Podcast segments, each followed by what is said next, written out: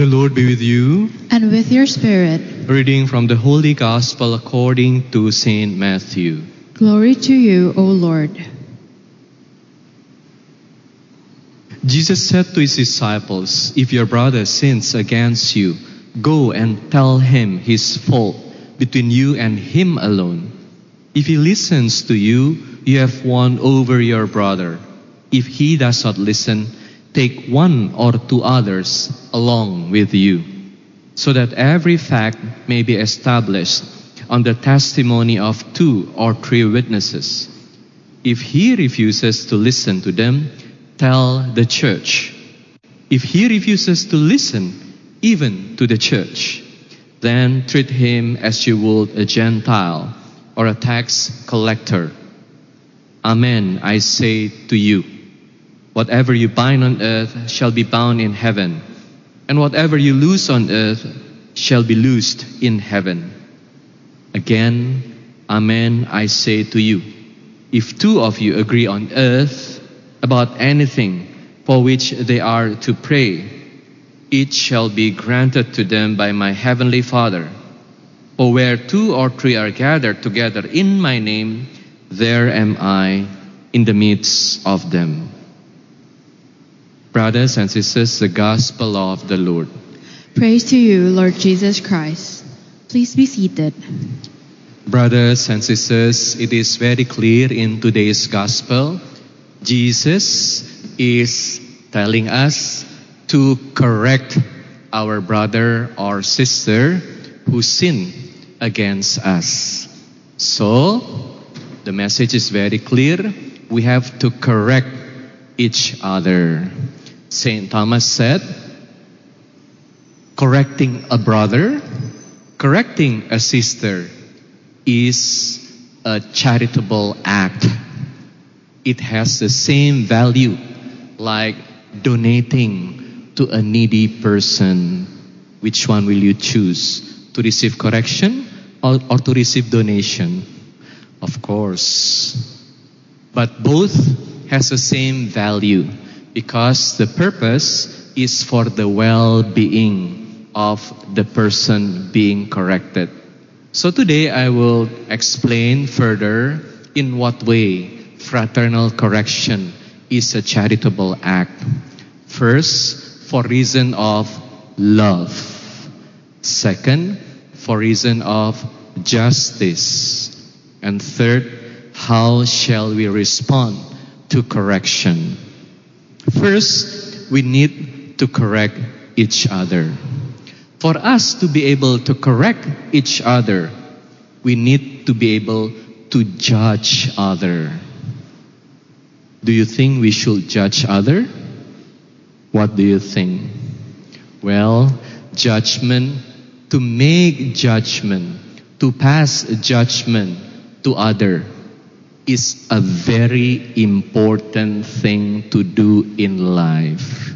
Because after all, every day we should make a decision about what to do, about with whom to relate, about what to do in order to build better relationship with other. That's why it is very important to judge.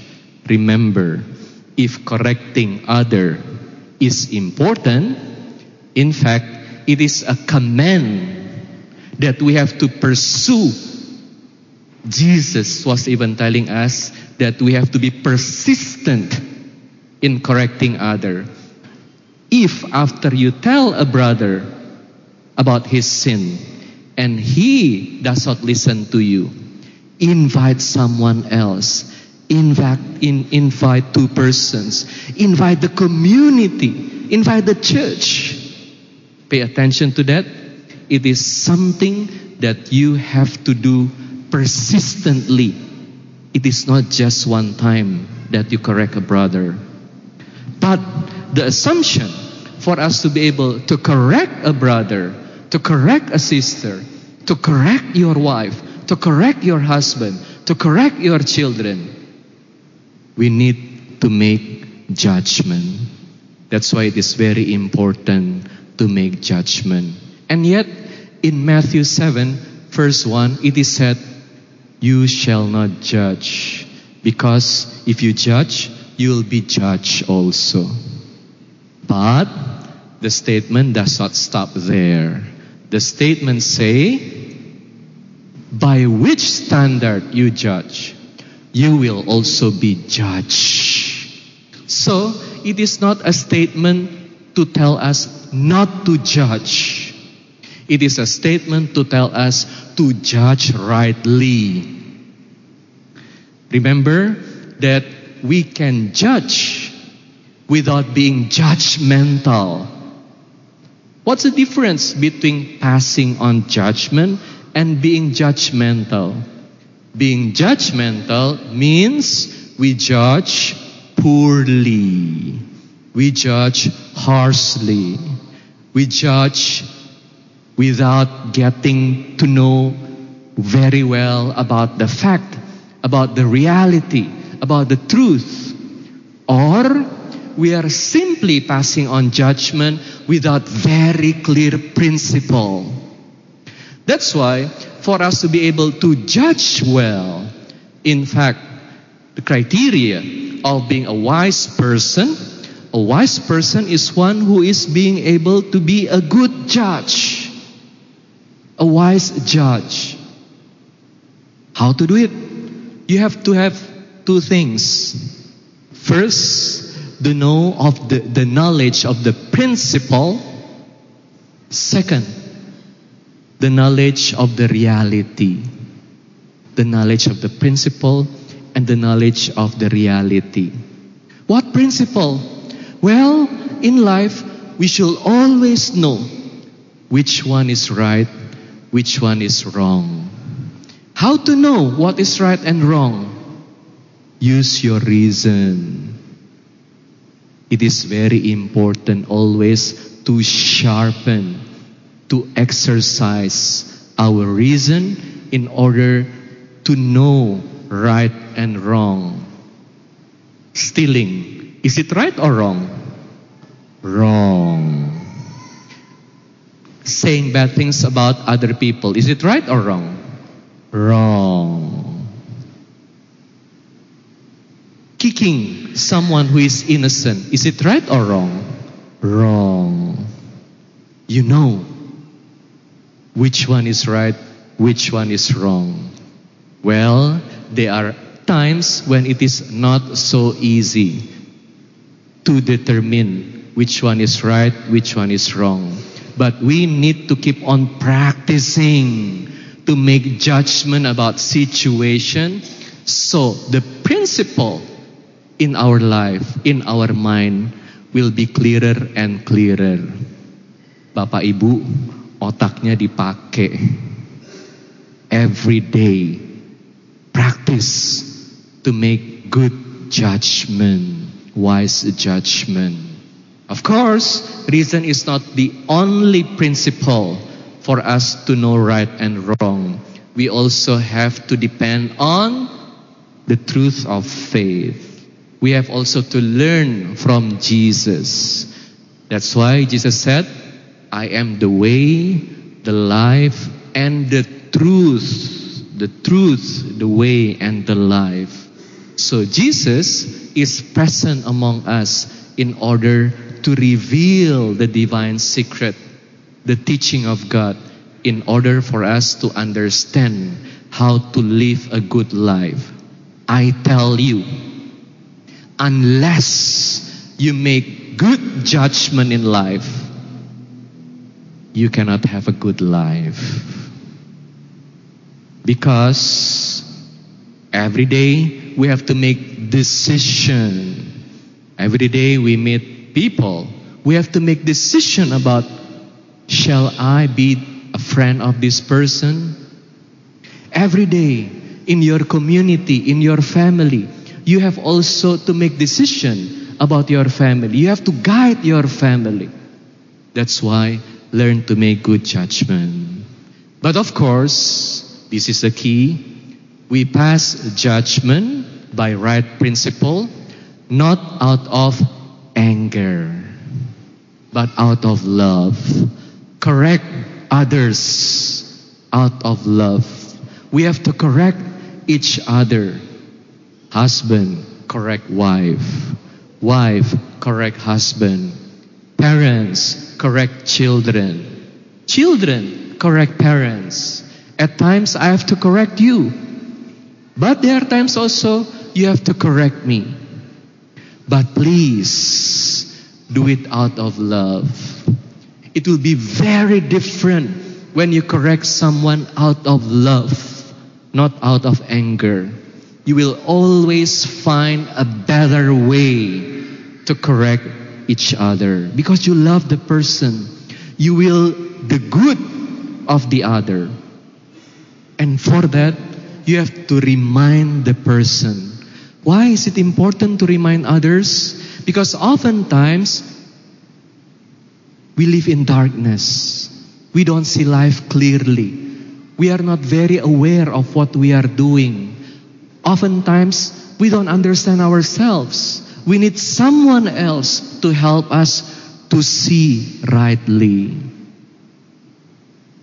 Correct each other in order to help the person to grow. In fact, there are times when not correcting is wrong.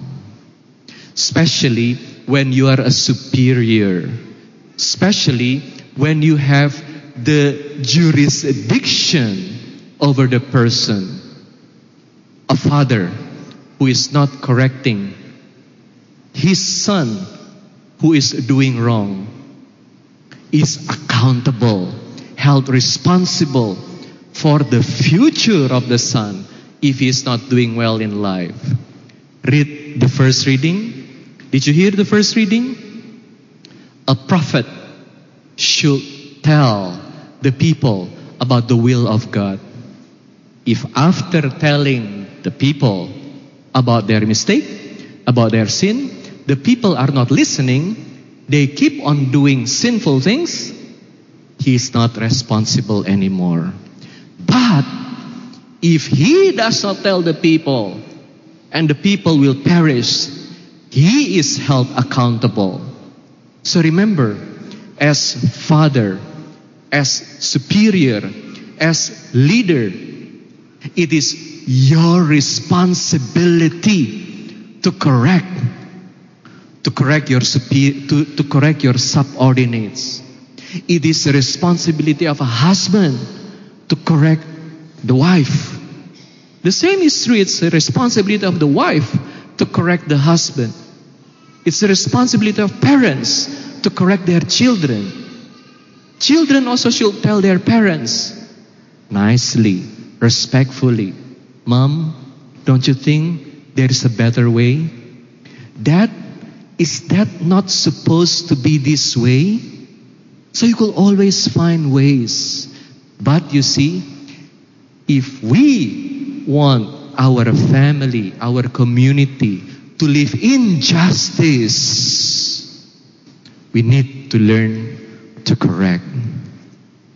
For example, if you have two children, two sons, one is doing something wrong, the elder is doing something wrong. Should you correct the elder?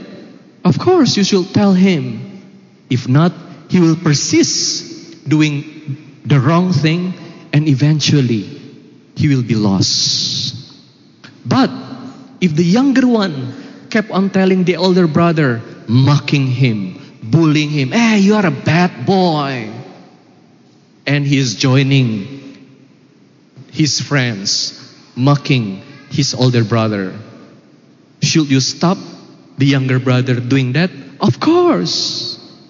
If you let the younger brother mocking his elder brother, and in the future they kept on quarreling each other, remember in the future when they cannot relate well with each other, you as parents are held accountable for the situation. So, if we want to have justice in our family, justice in our community, we need to help each other by correcting each other. Now, how shall we respond to the correction? Say thank you. Learn to see well. Well, perhaps there are things that I do not see. Well, perhaps you are right. Well, thank you for reminding me. And we also have to learn to accept correction with open heart. For us, the Dominicans, when we are about to profess, when we are admitted in the order, we are asked, What do you seek? We answer, God's mercy and yours.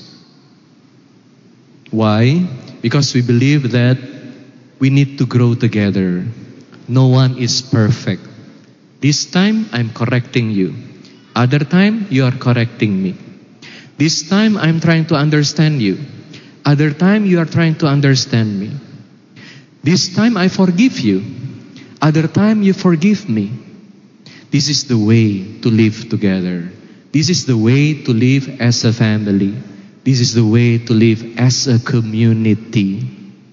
Always remember that giving correction to each other is a very important element of living together.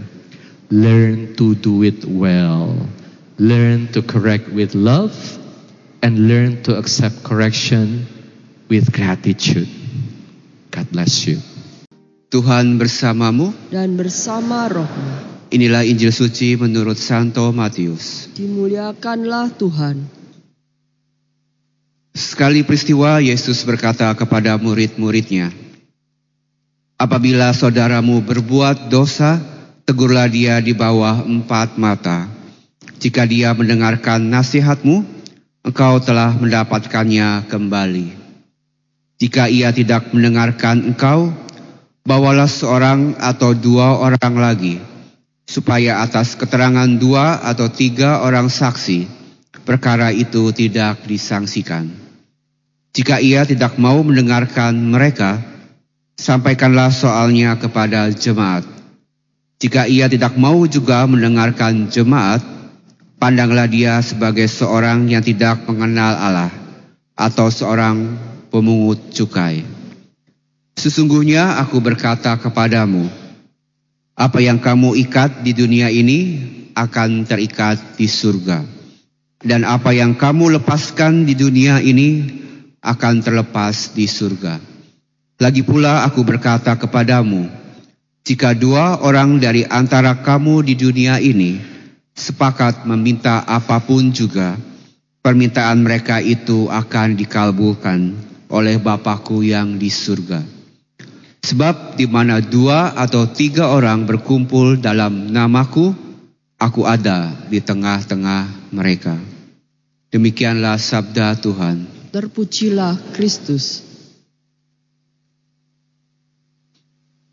Siapa di sini yang aktif dalam kegiatan lingkungan? Boleh angkat tangan. Siapa yang aktif di lingkungan? Selalu hadir kalau ada pertemuan lingkungan? Gak ada? Ya, puji Tuhan masih ada ya. Kalau kegiatan kategorial, Legio Maria atau apa pun juga Putra Putri Altar, Asiat Imam, ada? Ada yang hadir? Ya, masih ada satu dua. Puji Tuhan. Ya, terima kasih. Ya, mengapa saya bertanya begini? Karena hidup berkomunitas itu penting, Bapak Ibu. Pelayanan di dalam sebuah komunitas atau organisasi religius itu penting. Mengapa? Karena berdasarkan hasil survei, saya pernah baca hasil survei, apa yang membuat orang Katolik ini kuat dan bisa menghadapi tantangan dalam hidup. Salah satu alasan tertinggi adalah karena umat Katolik atau gereja Katolik ini punya organisasi yang tidak lain punya lingkungan, punya wilayah dan berbagai kelompok kategorial. Dari kelompok kecil, biak hingga lansia kita punya dan ini merupakan salah satu kekayaan gereja yang harus kita dukung, harus kita kembangkan. Dan tentu pertemuan lingkungan atau organisasi ini diadakan bukan tanpa tujuan, cuma bukan sekedar kumpul-kumpul, bergosip, tapi tentu gereja punya arahan dasar atau punya panduan untuk setiap kegiatan lingkungan maupun organisasi atau kelompok kategorial yang ada.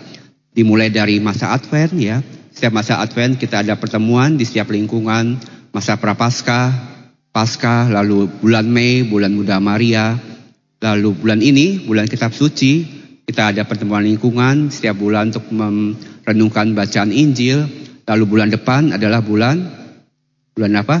Rosario. Dan kembali lagi ke Advent. Jadi bisa dibilang dalam satu tahun ini gereja itu punya guidance, punya pedoman untuk setiap lingkungan mengapa mereka ini berkumpul. Dan ini tentu hal-hal yang baik, hal yang positif yang perlu kita terus dukung. Dan tentu dan semua lingkungan dan organisasi atau kelompok kategorial ini seturut dengan pesan yang terkandung dalam kitab suci atau pesan Yesus sendiri. Dalam bacaan pertama kita dengar dari Nabi Nubuat Nabi Hezekiel, ia berpesan bahwa kita ini hendaknya saling menegur, menasehati kalau ada orang yang berbuat salah. Jadi tujuan dari adanya lingkungan, kelompok-kelompok kategorial adalah untuk membantu kita saling mengingatkan apabila ada teman-teman saudara siman kita yang mungkin keliru atau mungkin berbuat suatu hal yang tidak sesuai dengan iman kita. Dan yang kedua seperti dalam bacaan kedua yaitu surat Rasul Paulus kepada jemaat di Roma mana kita ini saling mengasihi. Jadi kasih itu adalah perwujudan dari semua hukum. Jadi apabila kita ini mengasihi orang, tentu kita ingin yang terbaik. Kalau kita ini peduli dengan sesama kita, pasti kita ingin menegur kalau sesama kita ini melakukan hal yang tidak baik. Jadi bacaan pertama mengundang kita untuk saling menasehati. Dengan kata lain kita ini harus mewartakan kebenaran dan yang kedua, kita hidup dalam kasih, dalam organisasi, dalam kelompok itu harus ada kasih. Dan dalam bacaan Injil, Yesus bersabda, apabila saudaramu berbuat dosa, tegurlah dia di bawah empat mata. Jadi pertama-tama kita menegur seseorang bukan untuk menjatuhkan mereka, bukan untuk mempermalukan mereka di depan umum, tetapi pertama-tama karena ada kasih, karena kita peduli kepada mereka. Tegurlah mereka dalam empat mata, di bawah empat mata yang artinya kita mau menjalin relasi yang baik dengan orang tersebut. Bukan untuk menghakimi, tetapi untuk mengingatkan dalam kasih. Jadi apa undangannya Bapak Ibu bagi kita yang hadir pada pagi hari ini? Undangannya yang pertama adalah tentu kita diajak untuk semakin aktif dalam kegiatan lingkungan yang ada di tempat kita ya, lingkungan, wilayah dan juga kelompok kategorial yang ada di paroki. Mengapa? Karena lingkungan atau teman-teman yang ada di lingkungan itu lebih dekat, terkadang lebih dekat daripada saudara kita sendiri. Saudara kita mungkin tinggalnya jauh, rumahnya dengan kita. Jadi kalau ada apa-apa, siapa yang paling dekat? Ya teman-teman kita dalam lingkungan. Jadi kalau kita butuh sesuatu, kita ingin butuh nasihat, butuh bantuan apa pun, kiranya teman lingkungan kita adalah orang pertama yang akan menolong kita. Dan dan yang kedua adalah undangannya adalah supaya kita ini semakin menghormati sakramen pertobatan atau sakramen tobat. Seperti sabda Yesus, apa yang kamu ikat di dunia ini akan terikat di surga dan apa yang kamu lepaskan di dunia akan terlepas di surga. Jadi kalau kita mau melepas setiap dosa-dosa kita dalam kamar pengakuan, maka dosa-dosa kita pun akan terlepas di surga. Itulah mengapa kita pentingnya mengaku dosa kepada Romo, karena di, dalam kamar pengakuan dosa itu ada dua orang atau empat mata. Jadi kita bisa mengaku dosa dengan leluasa karena Yesus hadir di tempat itu. Dan undangan yang ketiga tentu kita ini tidak perlu takut. Masalah boleh ada, tantangan boleh ada, tetapi kita harus bersyukur karena kita masih punya lingkungan.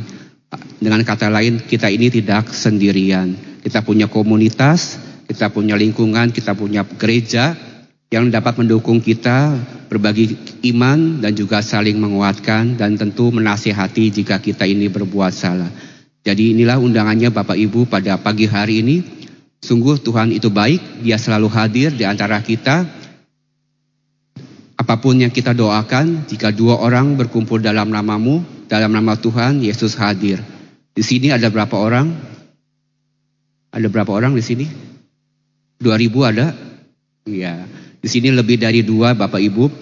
Saya yakin apabila kita semua yang ada di gereja ini bersepakat berdoa memohon Roh Kudus, yaitu memohon Roh cinta dan Roh pengampunan bagi dunia ini, Tuhan Yesus pasti kabulkan seturut dengan kehendaknya. Semoga demikian Tuhan Yesus memberkati. Tuhan bersamamu. Dan bersama rohmu. Inilah Injil suci menurut Matius. Dimuliakanlah Tuhan.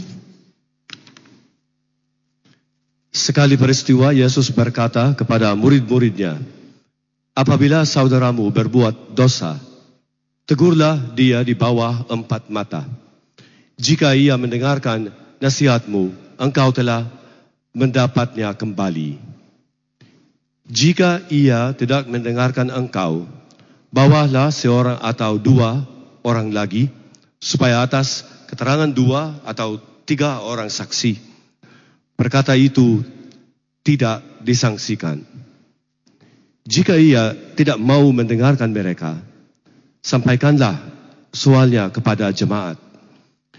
Jika ia tidak mau juga mendengarkan jemaat, pandanglah dia sebagai seorang yang tidak mengenal Allah atau seorang pemungut cukai. Sesungguhnya aku berkata kepadamu, apa yang kamu ikat di dunia ini akan terikat di surga, dan apa yang kamu lepaskan di dunia ini akan terlepas di surga. Lagi pula aku berkata kepadamu, jika dua orang dari antara kamu di dunia ini sepakat meminta apa pun juga, permintaan mereka itu akan dikabulkan oleh Bapakku yang di surga. Sebab di mana dua atau tiga orang berkumpul dalam namaku, aku ada di tengah-tengah mereka. Demikianlah sabda Tuhan. Terpujilah Kristus. Selamat malam. Kita mendengar dalam bacaan Injil hari ini tentang proses rekonsiliasi yang berlangsung selangkah demi selangkah yang merupakan deskripsi tentang apa yang dilakukan oleh jemaat Kristiani perdana terhadap anggota komunitas yang melakukan pelanggaran pelanggaran serius.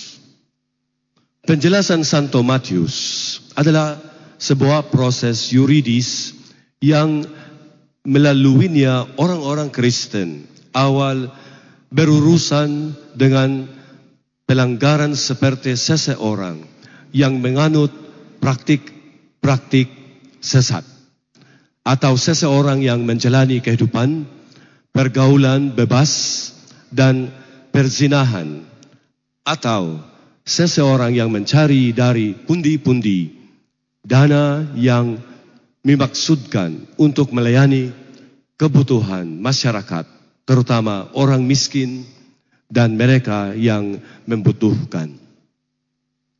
Dalam hal ini Tuhan Yesus Kristus mengatakan kepada komunitas Majus, jika ada seseorang di antara kamu yang berbuat salah, bicaralah kepadanya terlebih dahulu dan lakukan segala sesuatu dengan kekuatanmu untuk membuatnya mengerti dan tetap tinggal bersama di dalam komunitas. Dan jika semua upaya gagal dan jika dia sangat jelas mengatakan bahwa dia benar-benar tidak ingin menjadi bagian dari kalian lagi, maka mungkin sudah waktunya untuk membiarkan dia pergi. Tapi itu harus menjadi pilihan terakhir Anda. Dan untuk memperjelas, memperlakukan seseorang sebagaimana seharusnya memperlakukan orang kafir atau pemungut cukai. Sama dengan apa yang kita sebut sebagai pengucilan.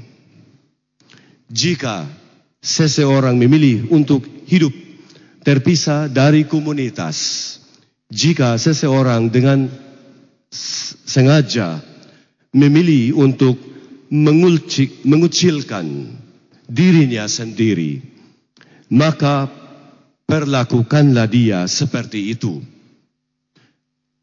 Dengan catatan, hanya jika semua kesempatan untuk menebus kesalahan dan berdamai telah habis. Akan tetapi, kita tidak bisa begitu saja yakin apakah proses seperti itu dapat diterapkan pada masalah-masalah di dalam sebuah relasi atau komunitas. Selain itu, kita harus ingat bagaimana Yesus memperlakukan orang bukan Yahudi dan para pemungut cukai. Hari ini, dalam relasi kita dengan keluarga, lingkaran pertemanan, dan komunitas kita, terkadang sulit untuk mengambil langkah pertama yang harus diambil, bukan? Sungguh, menunjukkan kesalahan seseorang adalah sebuah tugas yang sangat sulit. Yang membuatnya sulit adalah kita tahu bahwa menunjukkan kesalahan akan mengaktifkan model pertahanan orang tersebut bahwa orang tersebut pasti akan membalas. Mengapa kita yakin? Karena kita pasti tahu bahwa itulah yang akan kita lakukan jika ada orang yang berani mengoreksi kita. Itulah sebabnya kita sering langsung memutuskan pertemanan. Hal ini sekarang dicap sebagai budaya blokir. Erase, unfriend, block. Karena begitu mudahnya kita tinggal klik tombol unfriend atau block dan ada di gadget kita. Hal ini juga bisa menjadi pembelasan atas kesalahan yang dilakukan kepada kita. Seringkali hal ini diterjemahkan bukan sebagai serangan balasan langsung kepada orang yang melakukan kesalahan kepada kita, melainkan sebagai perlakuan diam dan bahkan agresi pasif. Bahkan lebih buruknya lagi, ketegangan ini bahkan dapat berlangsung selama bertahun-tahun. Oleh karena itu, nasihat yang sering kita dengar adalah kita harus memaafkan, memaafkan dan memaafkan terlebih dahulu sebelum menunjukkan kesalahan orang lain. Namun, pernahkah kita bertanya pada diri kita sendiri, sudah berapa kali saya meminta maaf?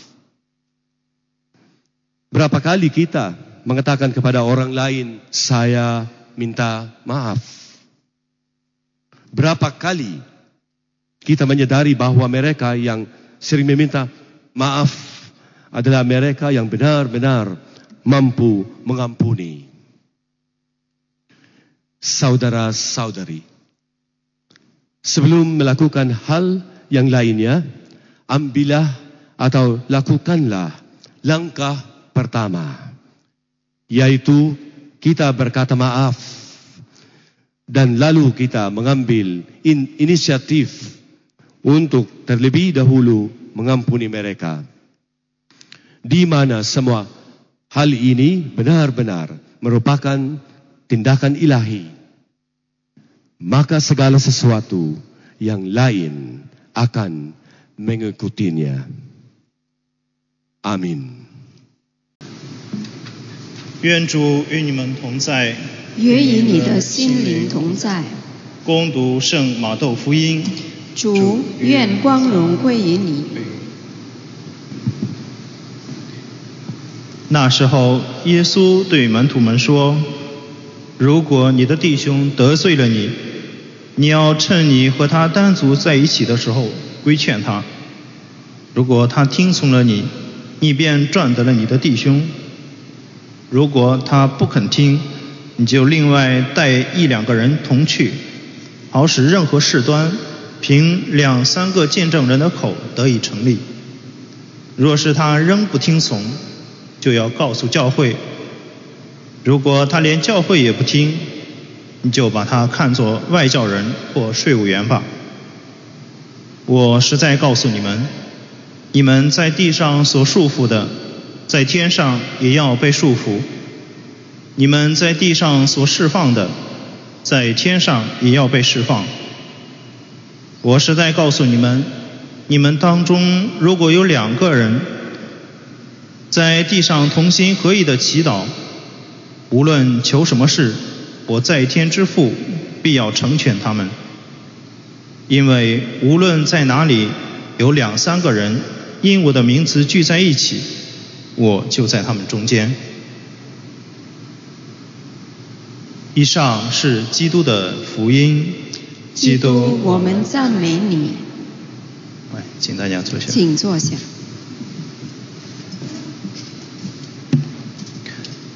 各位主内的弟兄姐妹，大家主内平安。嗯，因为这一次啊，尽管说是把那个讲道翻译过来了，但是因为太长 啊，所以就只能发到那个群里边儿啊。如果有人听不懂我讲的，嗯、你就可以看看那个群里边儿的那个文章哈、你就简单的、简短的翻译成那个印尼语，可能用词不太准确，呃，但是能明白就好。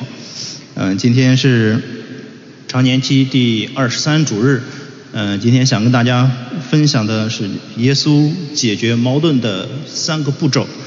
嗯，那在德国有一首呃歌曲哈、就是孩子们经常唱的。嗯，我此外我的得来，my name name for some sing。哎，他这个歌很欢快，呃，很那个欢快，呃，孩子们基本上都会唱。呃，因为我在南部实习的时候，也经常会去呃跟孩子们上宗教课。那在上课之前就跟孩子们一起唱这首歌曲，呃，它的意思就是今天想分享的，哎，在哪里如果有两三个人同心合意的祈祷，我就在他们中间。你看这耶稣基督啊，对于我们每一个人的这个教导，嗯，当然说两三个人，嗯，我们说两三个人就可以组成一个团体，啊，当然一个人他是不可以的啊，两三个人就是一个团体。但凡是团体，他就会有问题，啊，不管是呃你跟谁在一起哈，哪包括夫妻两个也是一样啊，可能刚开始会恩恩爱爱，但是以后结婚进入这个婚姻生活之后，柴米油盐的事情，可能鸡毛蒜皮的小事情都会让人勾心斗角，开始，哎呀破口大骂呀，或者是这个几天不跟对方说话呀，哈，这样的事情，呃，就是接二连三的去发生，嗯、当然这个关系，嗯，人与人之间的关系很复杂啊，也很矛盾。哎，小时候你看活得很快乐，大了之后就越来越不快乐。为什么？因为关系太复杂。嗯、进入到这个社会当中之后，就让人感觉到很压抑啊。但是这些看你的心态。嗯，所以说，嗯，今天的这个三篇福音都在教我们如何为人处事啊，如何与人相处。在家庭当中，哎，父母啊、子女之间、兄弟姐妹之间、婆媳之间，在生活当中与自己的邻里之间、哎，同学之间，嗯、都会有这样或那样的问题出现。嗯，当然，呃，也会有很多的争执啊、矛盾啊、吵闹啊，呃，甚至有时候，哎，自己的生命也会受到威胁。嗯、但是在今天的福音当中，啊，耶稣告诉我们要如何去面对冲突啊，如何啊去解决这个冲突。哎，总共有三个步骤啊。那主耶稣说，哎，在如果你的弟兄得罪了你，你要趁你和他单独在一起的时候，嗯，就是你要私下里边去跟他说啊，你去跟他讲，还不要公开，呃，你去跟人家说，因为人嘛都要有面子，特别是男人，呃，这个脸面哈很重要。如果你你在公开场合对他说的话，他会觉得很冲，嗯、他的心里边会很不舒服。嗯、以前我们圣言会团体是一个国际性的团体，呃，当然在一起学习的时候，当我还是个修士的时候，我们十几个人在一起学习，来自不同国家的人，啊印度的，嗯，这个加纳的或者刚果的，还有呃中国、越南的，啊都在一起，因为文化也不一样，嗯、这个语言也不一样，呃，当然个人的脾气也都不一样，所以矛盾经常会发生。呃，记得有一次，呃，有一个安哥拉的一个修士哈、他当时是这个礼礼仪委员啊，负责整个修会的这个礼仪。哎，偏偏那时候也赶上这个考试，呃，所以呃，他心里边也很烦躁啊。就有一天没有安排好这个礼仪，没有安排好礼仪，等吃这个中午饭的时候，我就跟他说：“我说你为什么不好好准备这个礼仪呢？你看你搞的这个礼仪乱七八糟的，你光知道学习学习学习，你就已经忘了这个呃灵修的这个事情了。”哇，他突然一下子就不高兴了，嗯，因为在餐厅里边有好多那个弟兄，还有外边的人都在，因为他觉得自己的面子搁不下，那他就跟我生气，跟我着急。我也看到他这个状况哈、就心里边也发怵，然后我就我更生气，我就跟他说，就是你就不负责任。